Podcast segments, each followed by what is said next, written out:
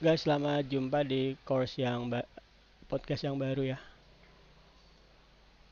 Oke, okay, um, pos ke 142. Kalau kalian mengikuti course ini sebaiknya kalian dari awal. Jadi podcast, sorry bukan course podcast. Podcast itu adalah bisa dibilang curhat atau motivasi. Jadi uh, motivasi tentang remote work yang ingin saya sejauh-jauhnya sebanyak-banyaknya ke seluruh apa ya pemuda-pemudi di Indonesia. Kalau kamu masih usia belasan, 20, 30 atau 40, kamu masih terhitung pemuda lo ya. Jadi kamu adalah uh, sasaran dari podcast ini. Nah, hal yang harus kamu sadari uh, merubah diri itu tidak semudah kedengarannya. Memotivasi diri sendiri itu kadang-kadang kalian perlu utak-atik utak-atik diri kalian sendiri sampai kalian bisa tahu apa sih yang bisa membuat aku termotivasi. Nah, podcast ini tujuannya adalah membantu kalian memotivasi diri sendiri. Jadi yang pada akhirnya yang memotivasi kalian itu adalah kalian sendiri. Cuman saya memberi uh, input, masukan agar kalian bisa tahu cara memotivasi diri sendiri. Sebagai contoh ya. Uh, sebentar kok rasanya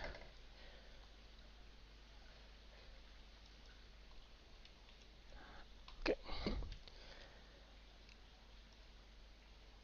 Sebagai contoh uh, saya punya semacam kedisiplinan agar kalian memulai kerja atau belajar dari jam 5 pagi. Oke. Itu tuju tujuannya apa? Agar agar kalian nanti bisa memotivasi diri sendiri bahwasanya belajar atau memulai aktivitas dari jam 3 pagi itu benefitnya luar biasa banget, pakai banget. Luar biasa pakai banget. Nah, uh, setelah kalian termotivasi, maka arahkan momentum yang kalian dapatkan itu untuk menuju ke arah kebaikan. Remote work itu dasar hakikat dasarnya adalah kalian merubah meningkatkan kualitas hidup dengan pertama belajar, upgrade skill dan menggunakan skill yang kalian sudah upgrade itu untuk menembus pekerjaan remote work dan diam di rumah aja. Diam di rumah aja ini bukan berarti kalian introvert loh ya tapi sebenarnya kalau kalian introvert itu lumayan lah ya. Maksud saya uh, jadi kalian bisa lebih mudah hidupnya. Ya kan di rumah aja uh, memotivasi diri income juga dapat malah lebih banyak daripada teman-teman yang kantor misalnya. Kalau kalian benar-benar arah yang arah yang tepat dan uh, kalian bisa memberikan kalian minimal tidak menjadi beban bagi keluarga. Itu penting banget. Nah kemudian di zaman COVID ini yang harus kalian perhatikan bahwasanya mendapat pekerjaan itu sudah mulai bergeser semua ke sektor yang remote ya. Kalian nggak boleh menyangka gini loh. 2000 kita kan COVID dari 2019 akhir, 2020 kemudian 2021 ah 2023 aman. Siapa yang bilang aman? Karena COVID itu kan uh, cukup satu orang yang ngaco di suatu kerumunan dan nggak terkontrol itu bisa nggak hilang-hilang selama satu dekade loh ya. Satu dekade masa kalian mau ngarep dipanggil kantor oke?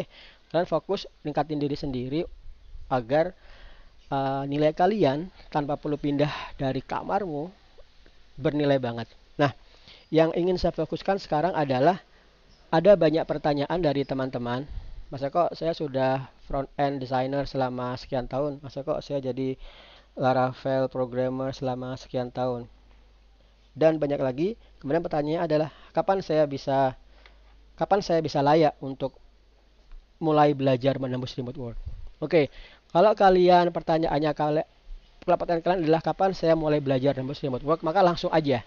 Langsung aja belajar itu uh, belajar itu kalian harus pakai uh, mindset and if and begin with the end in mind lo ya. Kalau kalian belajar tujuannya adalah belajar remote work, maka langsung aja pelajari remote work dulu sudah paham mundur belakang pelajari skill-skill upgrade skillnya Python dan lain sebagainya tapi kalau kalian sudah punya skill udah kerja berapa tahun di perusahaan onsite misalnya, kemudian berpikir kapan saya mulai siap nambah remote work ya. Kalau kalian menilai diri kalian sendiri, menilai skill kalian sendiri, gaji kalian di Indonesia misalnya, kalian pasti nggak akan pernah confident. Kenapa? Masa sih skill seperti ini sudah cukup untuk menembus remote work? Maka jawaban saya, lebih dari cukup. Percaya enggak? Lebih dari cukup. Kalau kalian masih fresh graduate, berusaha nembus berusaha nggak jadi kantor, paling kalian dikasih gajinya fresh graduate, mungkin UMR plus sedikit. Kalau Jogja itu mungkin dua setengah juta udah bagus banget ya. Nah, kemudian kalau skill fresh graduate-mu itu dipakai di remote work, sangat mungkin bahkan bukan sangat mungkin lagi contohnya Mas Akhir dan lain sebagainya sebulan dapat lebih dari 1000 dolar itu biasa aja. Kalau kalian berpikir masa sih baru fresh graduate bisa dapat gaji 15 juta misalnya. Iya, kenapa? Karena kamu nembus pekerjaan di luar negeri. Luar negeri itu gajinya dolar, gajinya dolar itu uh, nyenengin lah gaji dolar itu berarti kamu lipatan gaji seorang uh, manajer mungkin ya tingkat manajer di Jakarta atau di kota-kota besar kayak Semarang. Nah, terus kalau kamu pikir kemudian kapan masa kok skill saya yang ini cukup untuk nembus remote, remote work? Saya kasih clue aja deh. Kalau kalian sudah kerja di kantor selama setahun aja, survive di kantor nggak dipecat ya, itu udah cukup banget. Itu sudah cukup banget misalnya kamu pikir masa masa kok aku cuma bisa Python misalnya aku cuma bisa uh, Django misalnya wah itu bukan cuman uh, Django dan lain sebagainya itu nilainya besar banget Django dan lain sebagainya itu kalau kalian jual di luar negeri gajimu ya angka seribuan dolar itu saya kasih contoh ya saya kasih contoh semoga saya nggak ngaco nih setup setup streamingnya. Oke, saya kasih contoh. Kalau kalian uh, main-main di Django Jobs.net, main-main di Django, dan kalian maksudnya uh, apa ya, fresh graduate, tapi sudah bisa buat aplikasi dari Django dari awal, bisa ngebuat desain database, bisa ngebuat modelingnya, bisa ngebuat migration sudah nggak masalah sampai form nambahin JavaScript kamu juga nambahkan view atau React.js kemudian kamu bisa deploy juga ke DigitalOcean itu kalian sudah terhitung senior loh. Percaya nggak? Ternyata senior loh. Senioritas itu masalah virtual aja perusahaan kadang nilainya beda-beda. Tapi kalau kamu sudah uh, bisa membuat aplikasi sendiri seperti itu. Kamu itu sudah senior. Coba misalnya terus kamu begini ah kalau gitu aku ngambil pekerjaan ke Semarang misalnya. Jangan. Yang kamu digaji ya kamu nggak akan disamakan. Kamu bukan dianggap sebagai pekerja IT yang IT yang handal. Kamu dianggap sebagai pegawai biasa aja. Nah coba kamu langsung aja ke jenggojobs.net misalnya Jenggo ya. Coba aja di situ kamu cari find Django job. Oke. Okay. Itu ini ada perjalanan dari Amerika, dari kan Jerman, Jerman. Nah, kalau orang-orang Jerman gaji kamu dia nggak akan tanya kamu tinggalnya di mana. Kamu tinggal di mana, Le? Aku tinggal di Jepara. Oh, gaji di sana uh, kamu tak gaji 3 juta aja ya? Nggak akan dia seperti itu. Dia langsung aja pakai gaji uh, internasional mereka. Kalau kamu beruntung, uh, kamu bisa digaji sampai 6000 dolar karena mereka pakai euro kalau di Jerman euro itu nilai lebih tinggi dari dolar nah lebih tinggi dari dolar nah kemudian kalau se semalang malangnya kamu kerja remote kamu tuh dihargai ya 10 12 dolar lah ya. Atau semalang malangnya kamu kerja remote tuh kamu di, digajinya sekitar 15 dolar itu semalang malangnya kok kamu 15 dolar digaji 15 dolar kayak 160 jam kali 13 ribu aja 13.500 salah ya. Kamu udah dapat gaji 32 juta. Heboh banget kan gaji 32 juta kalau di perusahaan Indonesia. Kalau perusahaan Indonesia kamu gaji 32, 32 juta kamu uh, mungkin harus mengabdi selama berapa tahun itu ya? Nah, nggak tahu mungkin lima tahun. Mungkin lah ya. Kamu udah lima tahun terus perusahaan merasa menggaji kamu banyak banget kamu disuruh lembur-lembur dan lain sebagainya. Kalau di kajian luar negeri gaji 32 juta itu meskipun di singkatan gede banget di sana di sana tuh kecil banget. Di sana tuh gajinya gaji UMR nah karena itu banyak orang pengen jadi TKI kan. Orang jadi pengen jadi TKI karena uh, karena gajinya gede banget kalau dibawa ke Indonesia nah uh, maka teman-teman kemudian kalau kamu tanya lagi kembali ke topik utama, topik utama kita kapan saya skill saya tuh cocok sudah cukup untuk remote work maka jawaban saya kalau kamu misalnya ngantor Kalau kamu sudah setahun lebih aja udah cukup. Kedua, kalau kamu nggak ngantor, kamu sudah sedang belajar, belajar mandiri, maka yang saya sampaikan adalah kalau kamu bisa membuat aplikasi dari nol, hanya dari project description ya. Misalnya gini, aplikasi nol seperti ini. Misalnya ada orang, ada problem statement. Buatkan aplikasi yang bisa untuk membuat orang memesan iklan menggunakan bebas.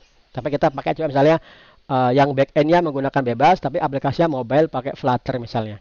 Kalau kamu bisa ngebuat ini dari nol, kamu sendiri ya sendiri ya. Kita kita jangan mikir kita jangan mikir tim dulu. Kita bikin sendiri dulu. Karena kita kan uh, fokusnya skill pribadi. Kamu bikin dari nol kemudian kamu buat semuanya. Kamu buat uh, prototipe pakai Figma kemudian kamu buat uh, back endnya pakai Django REST Framework kemudian kamu buat front end pakai Flutter kamu bisa mengintegrasikan API-nya kamu testing kamu deploy ke Android Play Store Google Play Store, kemudian kamu tes sudah bisa mengirim notifikasi pakai Firebase bisa, deploy orang bisa nge-download dari Play Store.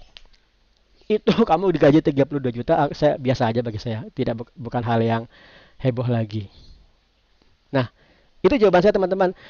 Jawaban saya gampang, saya ringkas saja ya. Pertama, kalau kamu sudah kerja kantor, kalau kamu sudah setahun kerja kantor, udah cukup. Kedua, kalau kamu kerja uh, nggak kantor tapi belajar mandiri, kalau jawabannya adalah kalau kamu bisa ngebuat dari problem statement sampai aplikasinya deployed, itu sudah cukup. Langsung aja mulai apply. Oke okay, uh, eh, satu lagi pesan saya.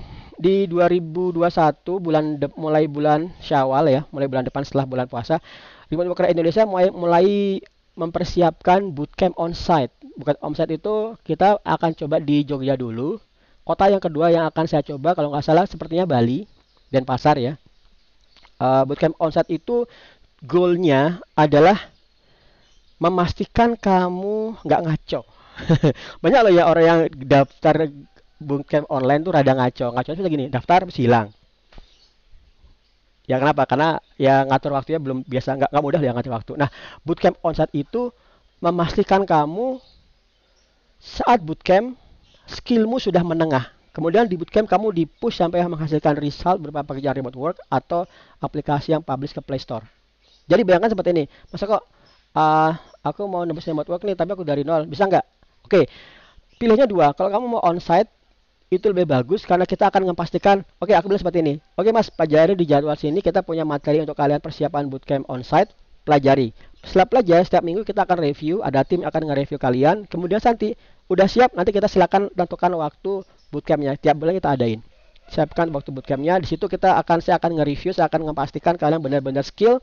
Harapannya begitu kalian pulang dari bootcamp ada tiga hal yang kalian kuasai. Upgrade skillmu sudah cukup, lebih dari cukup untuk nembus buat Kedua, kamu punya mindset tentang publisher. Jadi Remote Worker ID itu bukan sekadar software training center ya, gampangnya seperti itu. Bukan nyuruh kalian ngajar coding, tapi ngelihat membuat kalian juga ngelihat wawasan yang lebih luas yaitu menjadi publisher, yaitu dengan tanpa coding pun kalian bisa mendapatkan income revenue pasif dengan menggunakan sistem iklan dari Google yang berbasis AdSense atau AdMob.